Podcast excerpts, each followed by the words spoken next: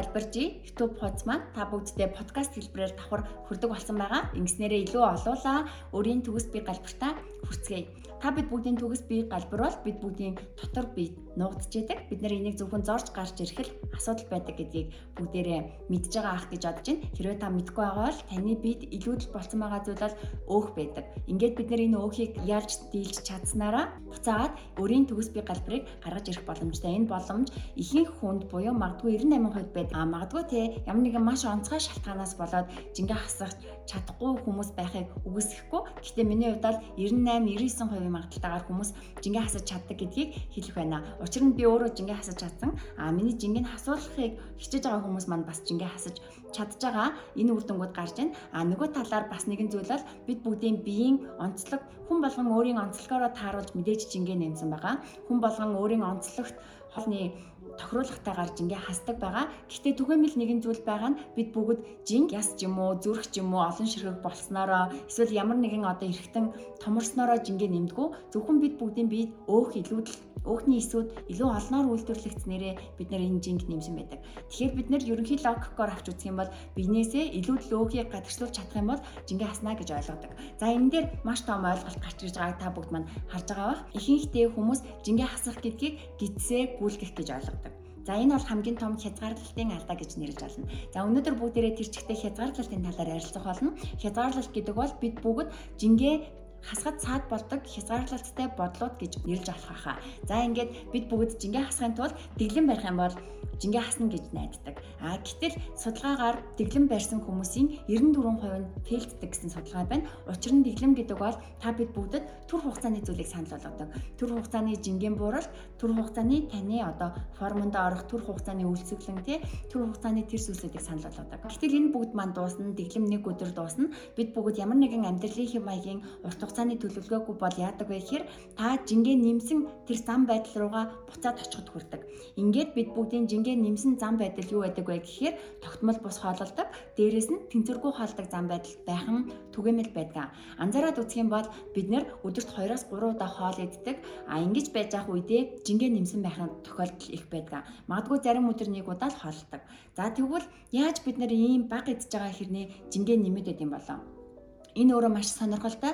Учир нь бид бүгдийн бие хоол идэх болгоно түүнийг шатаахын тулд илчилгээг шатааж идэг. Хоол эзэн хоолой боловсруулахын тулд илчлэг шатааж идэг гэж ойлгож байна. Аа гэтэл бид бүгд энэ илчилгээг 2-оос 3 удаа эсвэл магадгүй өдөрт 1 удаа л ашиглаад байх юм бол юу болдог вэ гэхээр биднэрт 4-өөс 5 удаа 5-аас 6 удаа хоололсонтой тэнцэх хэмжээний шатаах илчлэг бид орж ирсэн байтал тэрийг бид нэг л удаа хоёр л удаа ашиглах юм бол бид бүгдийн бид бодийн солилцооны удаашрал гэдэг зүйл үүсэж идэг.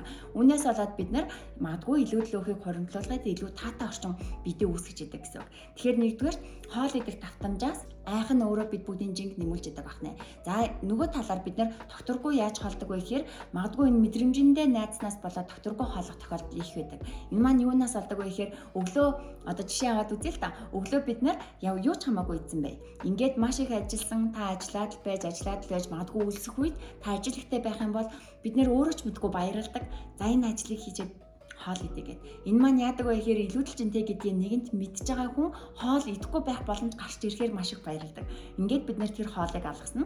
Өдрийн хоолыг алгаслаа, та 100 шиг алгаслаа, оройн хоолыг алгаслаа. Ингээд ажил дуслаа бид бүгд гэртээ ганцаараа хөргөчтэйгээ хамт тулахад оройн хоолнд юу болдог вэ гэхээр бид бүгд бие маань үлссэн биш харин эсэргээрээ ховдоглох мэдрэмж гэдэг зүйл төрдөг ахнаа. Ингээд ховдоглох мэдрэмж гэдэг бол маш муухай мэдрэмж та хүссэн хүсээгүй маш их хэмжээний хоолыг маш хурдтайгаар идэх гэсэн. Идж явах үедээ би болохгүй штэ гэж мэдж байгаа боловч таны бие үнийгаа сэтгэл зүй хянч дийлэхгүй байдалд хүрдэгэ гэсэн.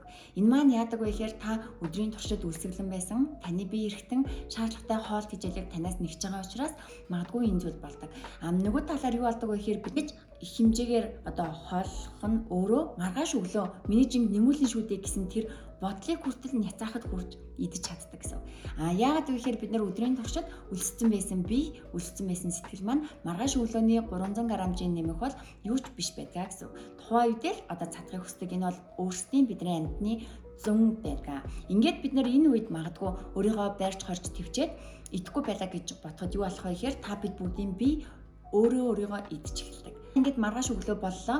Өчигдөр орой хэтрүүлж хоол идсэн хүн чинь өглөө хоол идэх хүсэл төрөхгүй.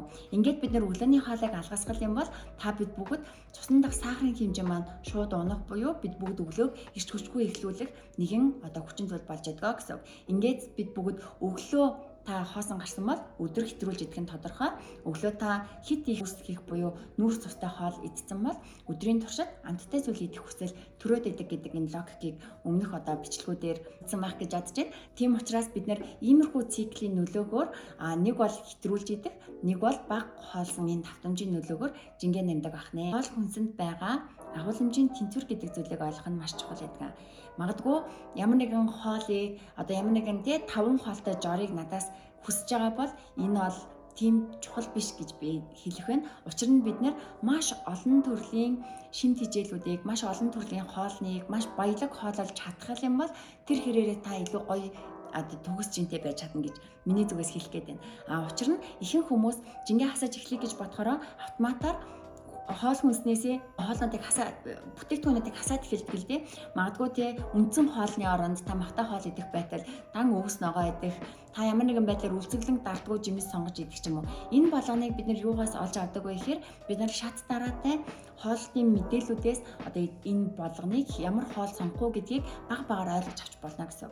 А тэрнээс би өглөө яг ийм зүйлээд өдөр ийм зүйлээд орой ийм зүйл идэх юм бол жингээ хаснаа гэж хэлгээд маш төвхтэй байдаг гэсэн. Учир нь хүн болгоны галтагаа өөр, хүн болгоны амьдралын нөхцөл боломж өөр, хүн болгоны амьдарч байгаа улс орон өөр. А тэр болгонд нь зориулсан хоол хүнснүүд тэр болгонд нь гардаг одоо хоол хүнснүүд гэдэг зүйл өөр өөр байдаг учраас миний зүгээс зөвлөж чадах зүйл бол энэ жин хасах лог гэдэг зүйлийг л зөвлөж чадна.